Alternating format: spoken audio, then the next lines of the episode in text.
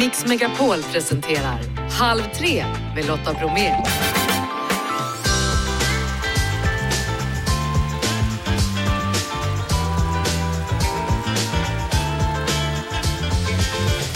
Hallå där och varmt välkommen in i Halv tre-studion. I dagens onsdagsmix, Dala-apan, komik om en apa som försvann för hundra år sedan.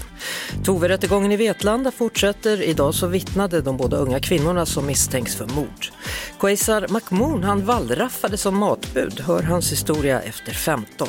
Sara anordnar dating med unga människor med Down syndrom. Och strax så pratar vi holistisk läkning med Nicole Lepera. Snacka om innehåll, nu kör vi!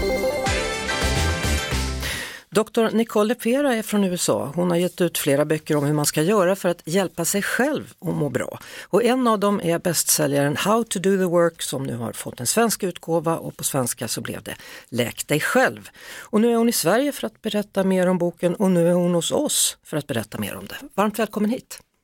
Welcome! Thank you for having me so much. Uh, you work with holistic psychology. What does that mean? Hon arbetar alltså inom holistisk psykologi. Vad är det för någonting? Holistic psychology means honoring the connection between our mind and our body. Our body played such a role in terms of our mental wellness. So, beginning a conversation of exploring within our body where our symptoms come from so that ultimately we could relieve our suffering.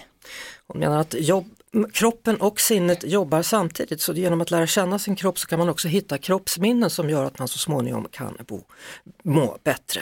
Eh, hon skriver då eh, den här boken men hon är också aktiv på Instagram och där heter hon då Holistic Psychologist och har över 6 miljoner följare. Och där vill hon visa hur vi då kan lära oss läka och medvetet skapa en ny version av oss själva. Frågan är, behöver vi alla det? Eh, you preach that we can sort of heal ourselves and we can make a new version of ourselves, like uh, a Lotta, if we talk about me, 2.0. uh, does all people, do all people need that, a new version? Um, I think that what I'm really hoping to communicate is the ability to have choice.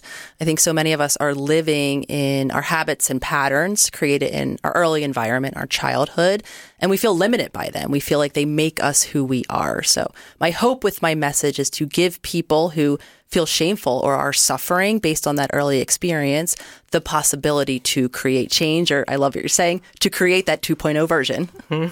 Hon berättar, Nicole Lepera då, att hon mest av allt vill att människor ska förstå att det finns en valmöjlighet. Man kan faktiskt gå in och hitta, man kan bryta gamla vanor, man kan bryta gamla mönster, för det är mycket som lever kvar i våra kroppar och därigenom också då i vårt sinne från det som hände oss när vi var yngre. Eh, och det här läkandet handlar då om en inre kraft. och Hon vill hjälpa till och ge oss verktygen så att vi kan samverka då, precis som jag sa, sinnet, kroppen och själen. Frågan är då om olika människor använder olika verktyg eller om vi alla använder samma verktyg. Uh, do we all use the same tools or do we have difference between, you know, depending on who we are? Um, while I think at our core, you know, being human when we're talking about the body and our nervous system and wellness. I think there are some universal tools that will apply to all of us, though I think the reality is we're all also individuals. So my hope again with this idea of self healing is to empower each of us as individuals to find the path, the tools, the journey that will work best for each of us. Självklart så är vi då individer runt om i världen men det finns också gemensamma verktyg som vi kan hitta för att just komma åt de här känslorna och bli en ny version av sig själv om det är det man känner att man vill. Eh, jag, jag funderar på er som lyssnar, eller dig som lyssnar nu just fram då. Ska vi fråga om hon kan ge ett bra tips för just dig? Hur du ska må bättre om det är så att du känner dig tveksam. Eh, if you would give uh, an advice to a person, a Swedish person, person listening right now who wants to make a better person, where should he or she start? I will always answer this question in some version of the same way, which is the place we start to get to where we're going is to become really present or conscious to where we are now, to begin to tune in to the habits, whether they're the daily behaviors that are carrying us through our day or the mental habits of our internal world, how we're narrating our life events. We have to see where we're at before we can begin to make choices, new choices to get to where we want to go.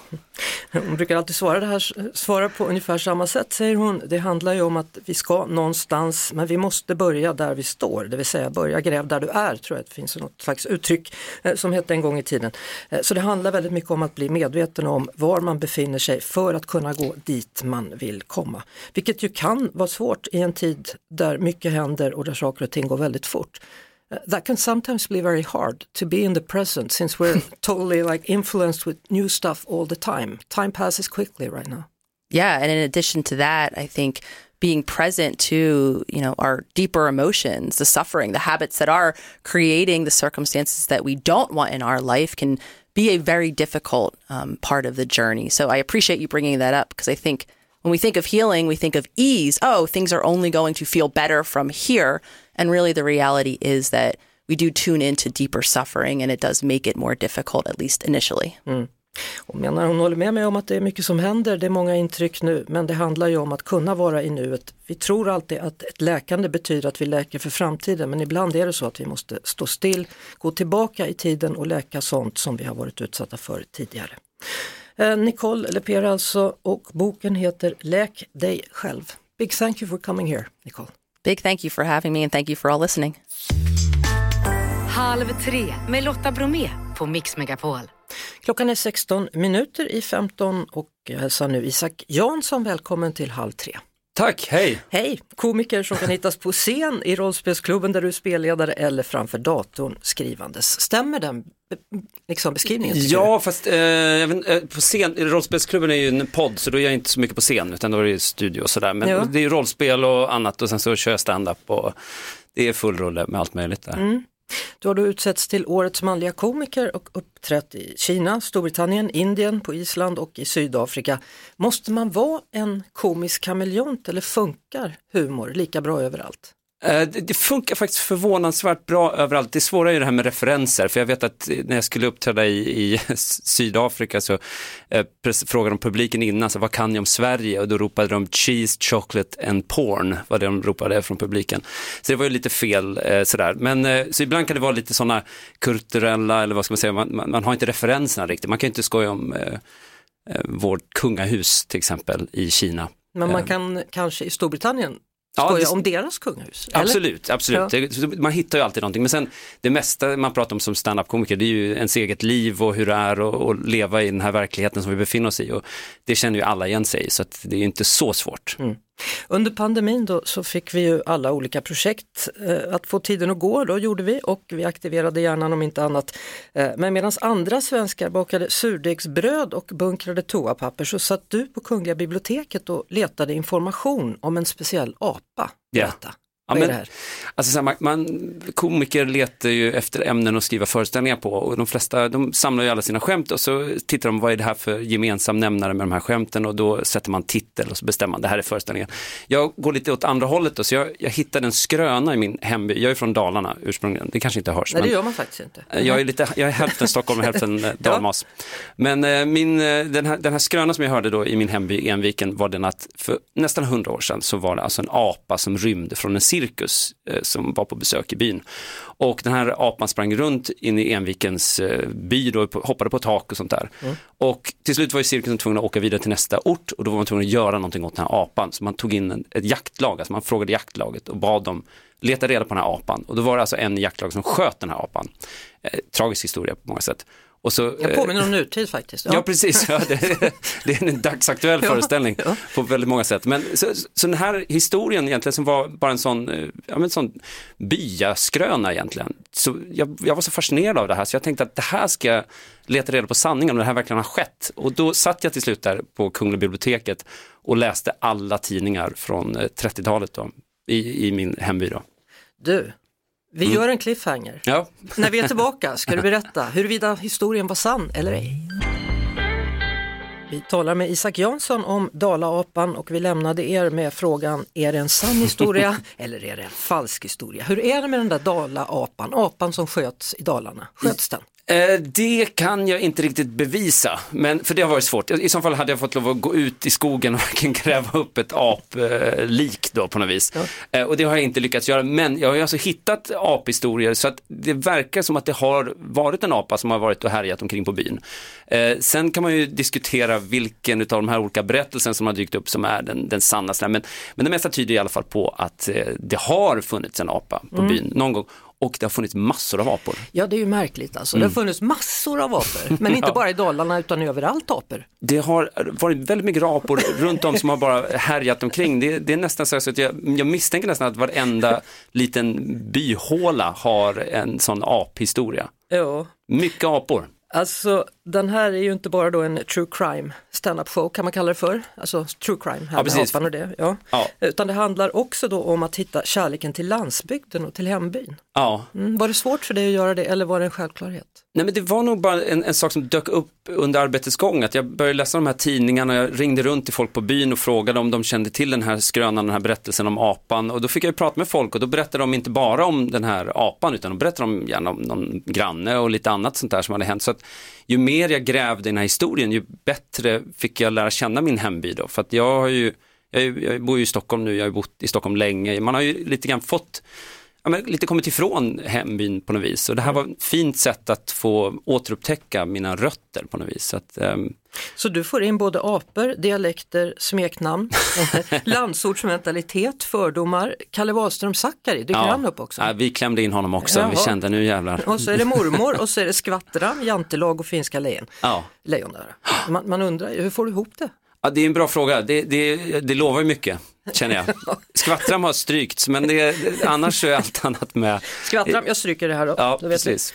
Ja, man blir nyfiken. Det är en föreställning för, för alla, man får klämma in så mycket man bara kan så kan man få in kanske någon som kommer dit och är nyfiken på det här. Ja, jag tänkte, ska vi avsluta med ett aptest kanske? Jajamän, Mm, du är beredd? Ja. Kända apor genom tiderna är kategorin. okej. Och du får inte ringa en vän. Jag Nej. frågar, vad heter den vetgirige lilla apan som bor med mannen med den gula hatten?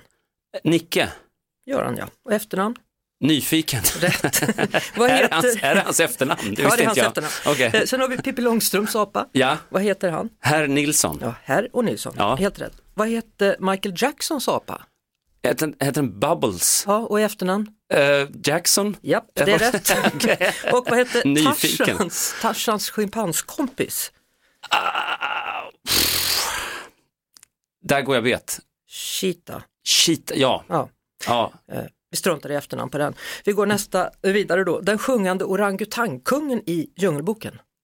Eh, Louis va? Ja, Ja. faktiskt. Kung Louis. Kung Louis. Jättegorillan som sätts på film i flera versioner. Första gången 1933, på senare tid i regi av Peter Jackson. King Kong. Rätt, det var både för och efternamn där.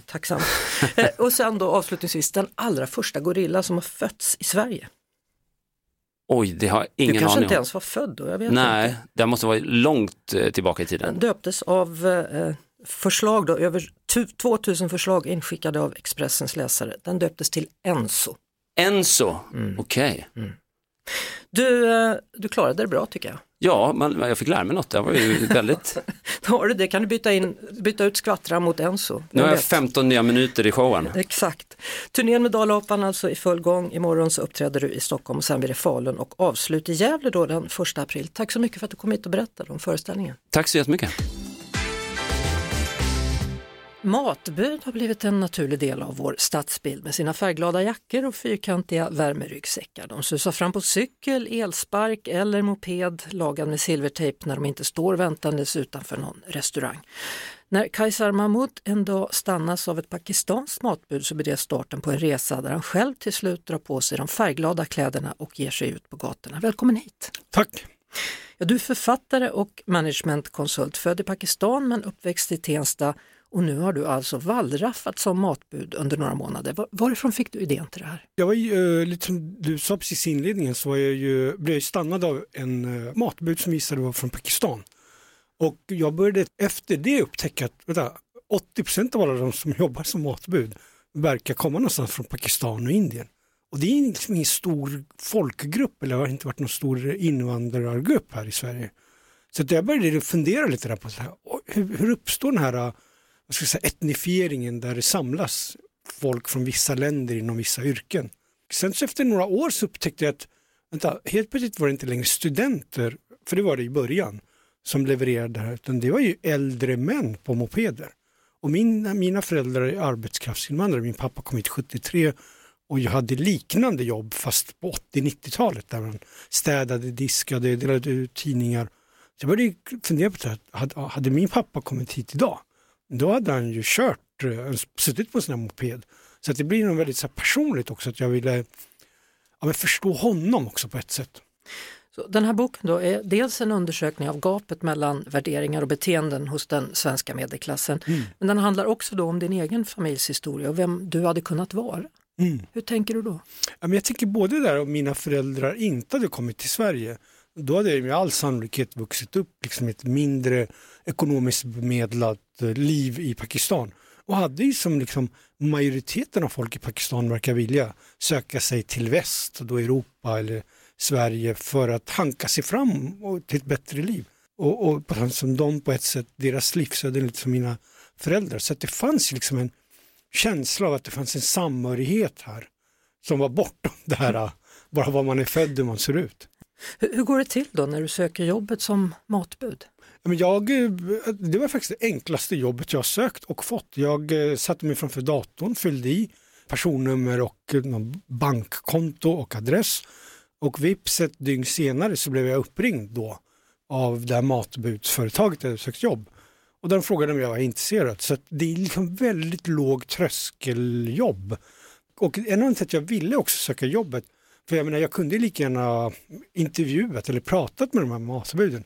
Jag tror verkligen att det, ibland är det så att det finns vissa erfarenheter som man inte kan intellektualisera eller läsa sig till. Så du, vill, du ville känna, ja. Ja men verkligen så här, för jag ville verkligen, i och med, i och med att jag såg min pappa i dem, så ville jag liksom både närma mig dem men skildra deras liv på ett respektfullt sätt och på, med lite vördnad. Och då tänkte jag att ja, men då behöver jag dels förstå det där om jag ska kunna gestalta, men sen också att ska jag kunna ha bra samtal, då behöver jag liksom vara på samma, i samma roll. Och då blir samtalen mer som en kollega till kollega snarare än som en managementkonsult till ett matbud.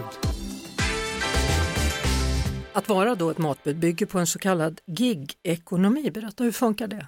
Men just det där äh, gigjobben som förmedlas via appar, alltså på, via smarttelefoner, det, det är ju något nytt. Men i övrigt där, äh, det har alltid funnits så daglönare, det har alltid funnits folk som har ja, men gjort lite olika arbeten åt lite olika personer där det har funnits en efterfrågan. Så, så får man betalt då på, på leverans? Är det så man räknar? Eller? Jag tror att det ser olika ut, men där jag jobbade, där hade jag en fast timlön och så fick jag då 20 spänn per leverans.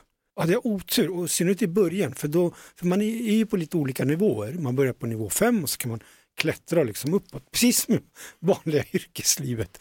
Och då är det så att då får man ju eh, leveranser som är längre. Så att ibland kunde jag få en leverans där jag skulle köra från Sveavägen bort vid Odengatan, tre och en halv kilometer bort till Gärdet då i Stockholm. Och, och jag menar, då hinner man inte med så många. Men är man på level 1, då får man ju mycket kortare, det kan vara två kvarter bort. Och då hinner man ju liksom med många fler leveranser. Ja, så, så vad blev lönen, månadslön? Typ? Alltså, nu var det så att jag jobbade ju fyra dagar alltså, efter jobbet, för jag hade, kvar mitt vanliga jobb eh, och sen någon helg. Så att jag ska säga i snitt blev det runt så här 160 till 190 spänn i timmen. Och så jobbade jag allt ifrån tre timmar till fem timmars pass. Alltså lite beroende på. För det också var att jag ville ju verkligen se olika aspekter av det här jobbet. Så att jag cyklade ju mor- morgnar, luncher, kvällar och även ibland till tre på natten bara för att se men vad beställer folk så här, ett på natten eller två på natten. Ja, vad beställer man Ja, då? men folk, det är, alltså, du skulle bli förvånad, det är många som beställer typ från 7-Eleven, Gorbis frysta pizzor, Pringles. För det, det, det är också en annan sån här som jag tror det finns en missuppfattning där många tänker så här, åh det är lyxigt att beställa mat. Ja, hur, hur togs du emot sen då av andra matbud när du började Alltså, jobba? jag, jag var ju inte en av dem. Jag trodde ju att bara genom att ta på mig de här kläderna och genom att jag skulle prata på punjabi urdu, att jag skulle komma, kunna ha de här typ, eh, kollega till kollega samtalen. Men det blev ju aldrig så. att- Jag tror de flesta samtal jag hade slutade efter fyra, fem minuter och det hade att göra med att jag hade ju hittat på typ en story. Att jag hade bott här typ i ett halvår och sen innan det snurrat runt lite i Europa. Sånt som jag hade snappat upp från de andra matbuden. Men jag insåg ju efter det där, men min punjabi är nog rätt kass. För jag flyttade hit när jag var sju och har ju liksom aldrig haft något vuxenspråk utan det är ju föräldrar och barn. Så jag bryter säkert med all sannolikhet på svenska och är begränsat ordförråd. Så jag tror att de blev misstänksamma och tänkte den här personens story går inte ihop med hur dålig den är på punjabi urdu. Och då kanske de misstänkte att det var någon från företaget som kanske hade skickat Ja, ja. undercover för att Undercover avslöja. boss ute och Ja far. men lite så, och kanske även från, i värsta fall från svenska myndigheter, Skatteverket eller Migrationsverket. Så att jag blev ju inte en av dem, men däremot är det fascinerande att för omgivningen, alltså resten av samhället, så såg jag ju som en av dem. Så, så att även om jag inte kom åt kom liksom de här, just de här matbuden på skinnet, så fick jag verkligen känna på hur det är att bli betraktad av omgivningen. Och sen sätter beställaren betyg då. Vad, vad, vad säger du om det? Fick du bra betyg? Alltså jag lyckades ju avancera till nivå ett. Men hade jag haft det här jobbet längre så skulle inte jag orkat hålla den. Jag märkte på mig själv att när jag började leverera då la jag in maten försiktigt och så att den skulle vara varm och ja, men inte rulla omkull och välta. Men sen i slutet så förstod jag, lite som man gör på alla jobb, så här, vad är det som premieras? Gjorde jag att det är snabbt och att det går undan och att jag hinner med många leveranser. Så då började jag också till slut bli lite slarvigare och kanske att det, att det inte var lika tätt. Och sen gjorde det inget om jag var på nivå två eller fyra. För det påverkade ännu inte så mycket lönen. Eh, när du slutade då behöll du utrustningen. Varför Mm. då? Ja, men det, var, Och vilken utrustning är det? ja, men det var ju dels matlådan och sen var det ju jacka och, och, och det. Och, och då är det så att det, man får ju ha det till låns. Och, och om det är så att den går sönder eller att man inte ja, tappar bort den får man betala en straffavgift. Och för mig när jag skulle lämna tillbaka den kändes det som om jag skulle ge bort en del av, av, av mig. För att lite det där, att det blev ju ändå på något sätt att jag genom de här tolv veckorna fick ju också någon sorts koppling med min, mina föräldrar och deras tillvaro. Så att även om jag på ett sätt, jag kände ju aldrig att jag wallraffade. För jag, kände, jag hade tagit jobb i mitt eget, det var som att ta ett extra jobb. Men det var ju för att jag verkligen ville förstå och då kände jag så här, nej men nu har det här blivit en del av mig. Det här är som en bro mellan det, det medelklassliv jag lever med det mina föräldrar gjorde. Ja, du har sagt att du insåg att du klädd i kostym kan bli deras brygga. Hur menar Mm. du då? Nej, men det här var ju när jag var på- väg till, ja, men till förlaget efter att boken var skriven. Och då var jag klädd eh, i kostym och vit skjorta och kom med den där matlådan. Och den kändes, det var som att träffa en kär vän, hur konstigt den låter, men det kändes som naturlig känsla. Och då var det några matbud som jag mötte på vägen. Ja. Jag kommer ihåg jag kom, nickade mot dem, för helt plötsligt var det så här, jag är, jag är, jag är kopplingen emellan. Eh, Det här kan bli era barn som i framtiden kommer att kunna göra andra saker tack vare ert slit. Hur tänker du kring matleveranser idag? Innan jag började jobba hade inte jag beställt och det var inte av ideologiska skäl utan jag bor mitt i stan och tänkte att det kan gå. Men nu har jag börjat tänka mer och mer på att, eller f- kommer börja att argumentera snarare för att jag tycker folk ska beställa mat.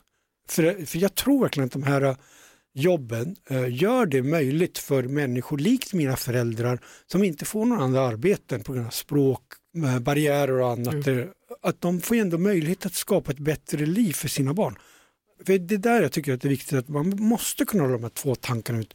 Och ena sidan tänka att vi måste ha plats för eh, lågtröskeljobb i vårt samhälle som folk likt mina föräldrar kan ta.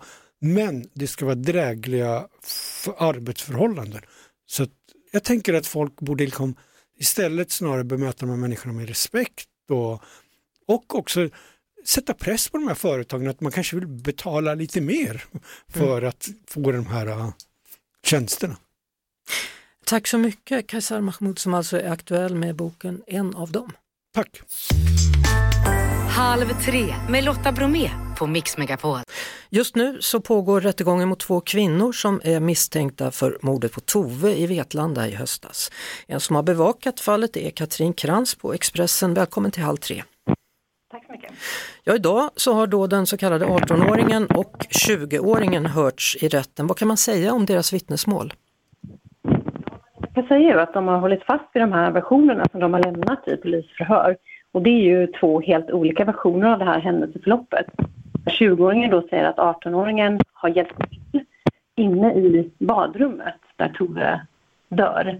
Medan 18-åringen ehm, säger att hon, hon ligger och sover och hon blir väckt av 20-åringen som säger att du, du måste hjälpa till, du måste hjälpa mig. Där deras eh, versioner stämmer överens är ju vad som händer efteråt då, hur de bär ut Toves kropp, eh, kör ut den i skogen och hur 20-åringen då försöker sätta eld på Toves kropp.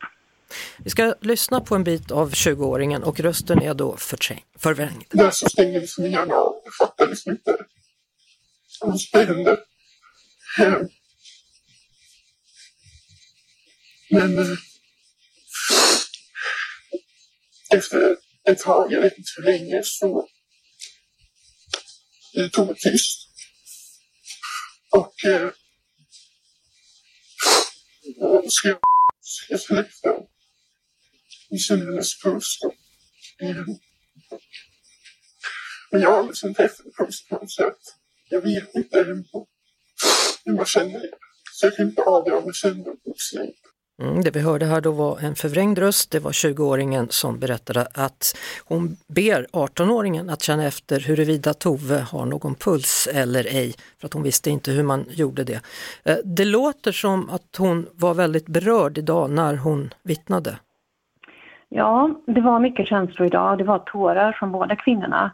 Ehm, alltifrån att de snyftade, hade svårt att, att prata och fick stanna upp flera gånger men också särskilt 18-åringen då blev, kan man säga, bröt ihop fullständigt och då fick rättegången, alltså man fick ta paus lite tidigare än planerat för att det var så pass jobbigt att berätta om det här. Så det har varit väldigt mycket känslor. Får man en klar bild av vad som har hänt eller är det två historier som står mot varandra? Man får två historier som står emot varandra och en av de här historierna är ju uppenbarligen, en, en är ju inte sann. Men vilken det är, det, det är svårt att säga och det, är, ehm, det kommer ju också bli en diskussion kring ja, själva bevisfrågan och så i, i slutplädering och sånt där. Så att, eh, eh, det, det, är faktiskt svårt att veta exakt vad som har hänt.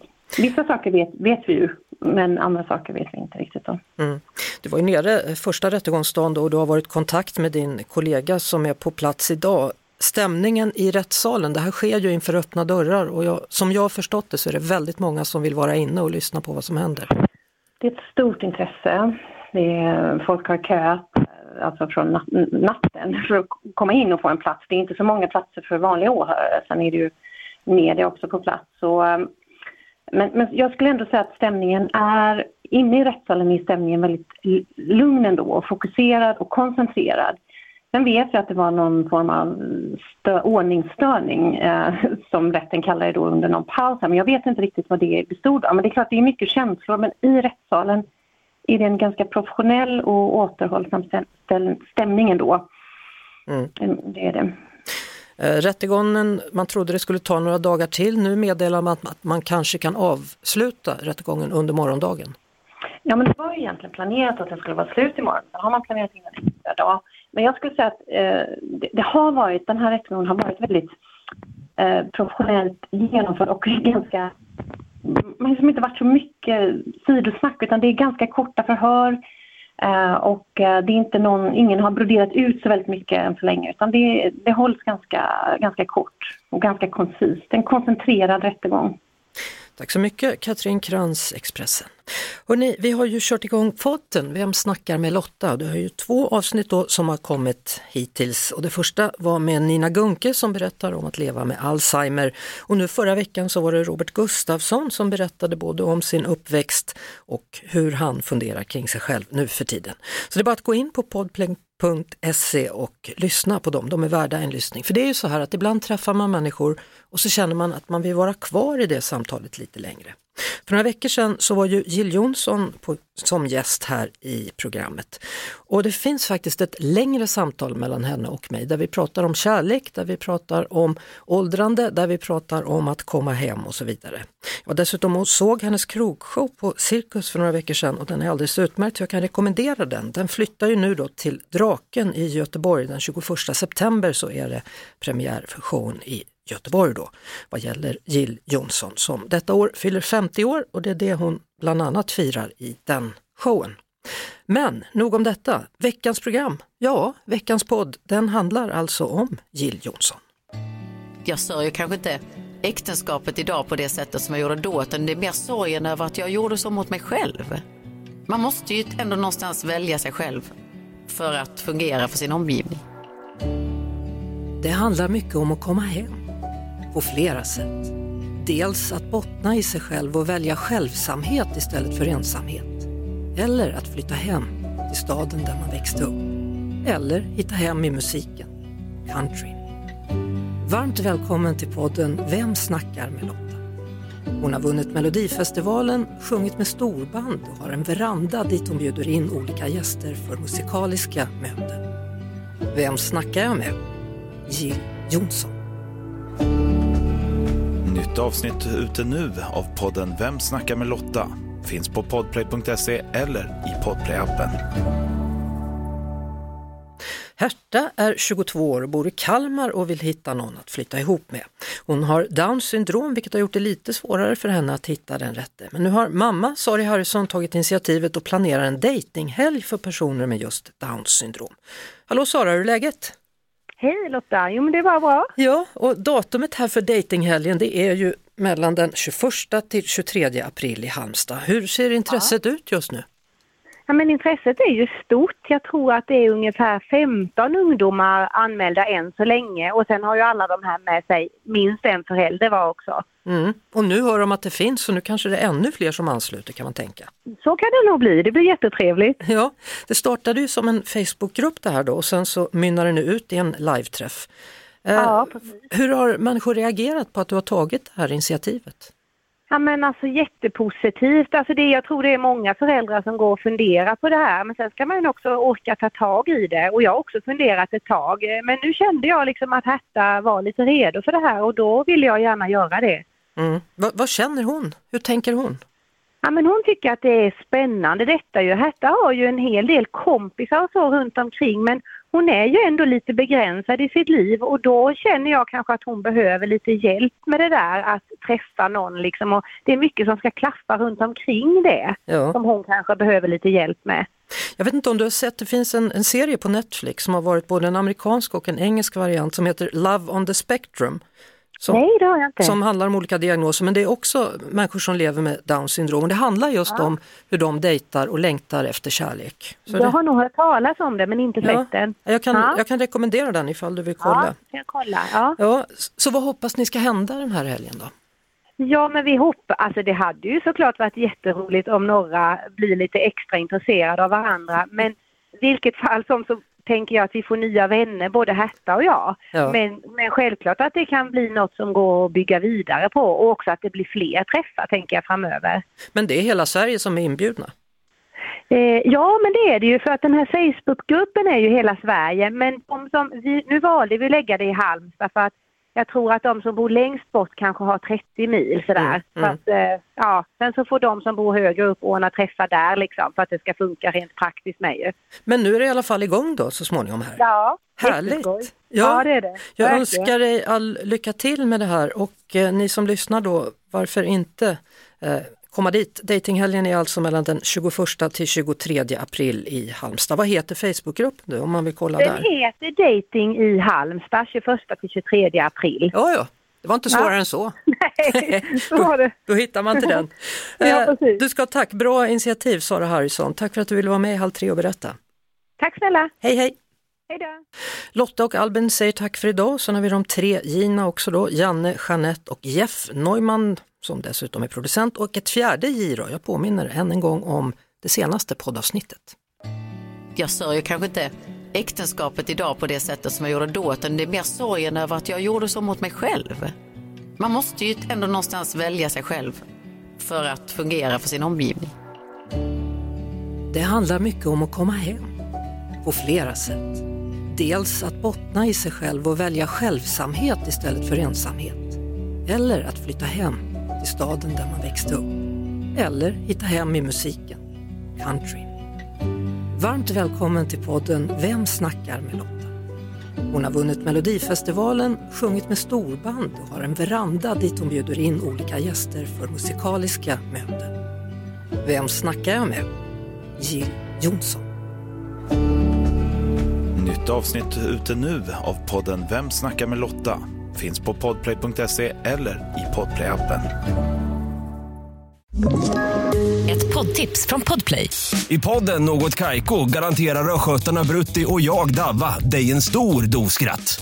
Där följer jag pladask för köttätandet igen. Man är lite som en jävla vampyr. Man har fått lite blodsmak och då måste man ha mer. Udda spaningar, fängslande anekdoter och en och annan arg rant. Jag måste ha mitt kaffe på morgonen för annars är jag ingen trevlig människa. Då är du ingen trevlig människa, punkt. Något Kaiko, hör du på Podplay. Därför är gardinerna.